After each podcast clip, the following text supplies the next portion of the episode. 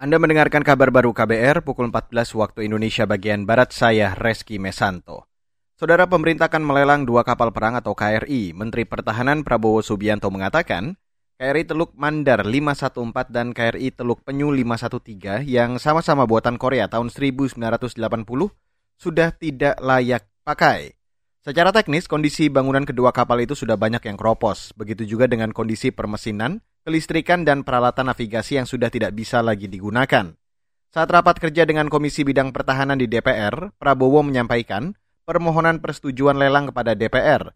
Ditaksir, limit jual atau lelang KRI Teluk Penyu kurang dari 5 miliar rupiah dengan nilai perolehan 121 miliar rupiah. Sementara KRI Teluk Mandar nilai limit jual atau lelang 695 juta rupiah dengan nilai perolehan 121 miliar rupiah. Beralih ke informasi selanjutnya, Saudara. Penggunaan energi fosil batubara diperkirakan akan terus meningkat guna memenuhi pasokan bahan baku industri dan kelistrikan negara. Padahal, menurut Sekjen Kementerian Energi, Sumber Daya Alam dan Mineral, Ego Syahrial, penggunaan batubara secara terus-menerus berpotensi meningkatkan laju emisi karbon. Ditambah lagi, penggunaan energi baru terbarukan atau EBT hingga kini masih juga belum agresif.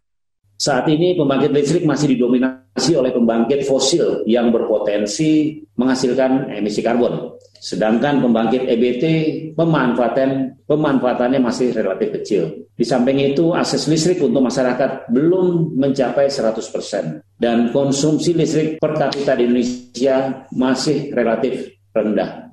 Sekjen Kementerian SDM Ego Syarial menambahkan, tahun lalu produksi batubara untuk memenuhi kebutuhan dalam negeri mencapai lebih dari 130 juta ton.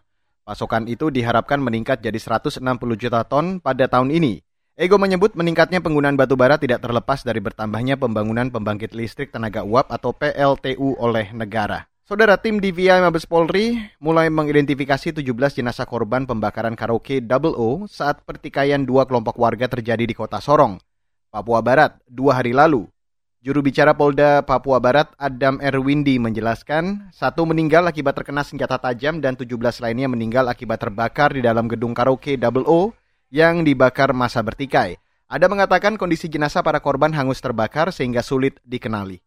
Sebagian besar dari data itu memang rata-rata orang dari luar Sorong semua. Jadi makanya kami lagi mencari tahu dulu keluarga ini. Kami dapat dari penanggung jawab. Jadi dia lagi berusaha untuk mencari nama asli daripada rekan-rekannya itu yang yang selama ini kita dapat masih nama panggung. Juru bicara Polda Papua Barat, Adam Erwindi menambahkan proses DVI dilakukan dalam empat tahap. Di antaranya mendapatkan informasi ciri-ciri jenazah, mengumpulkan data antemortem dan data fisik khas dan ciri-ciri korban sebelum meninggal dari keluarga korban.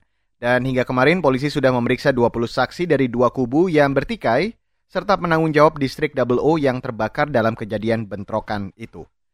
Demikian kabar baru KBR saya Reski Mesanto.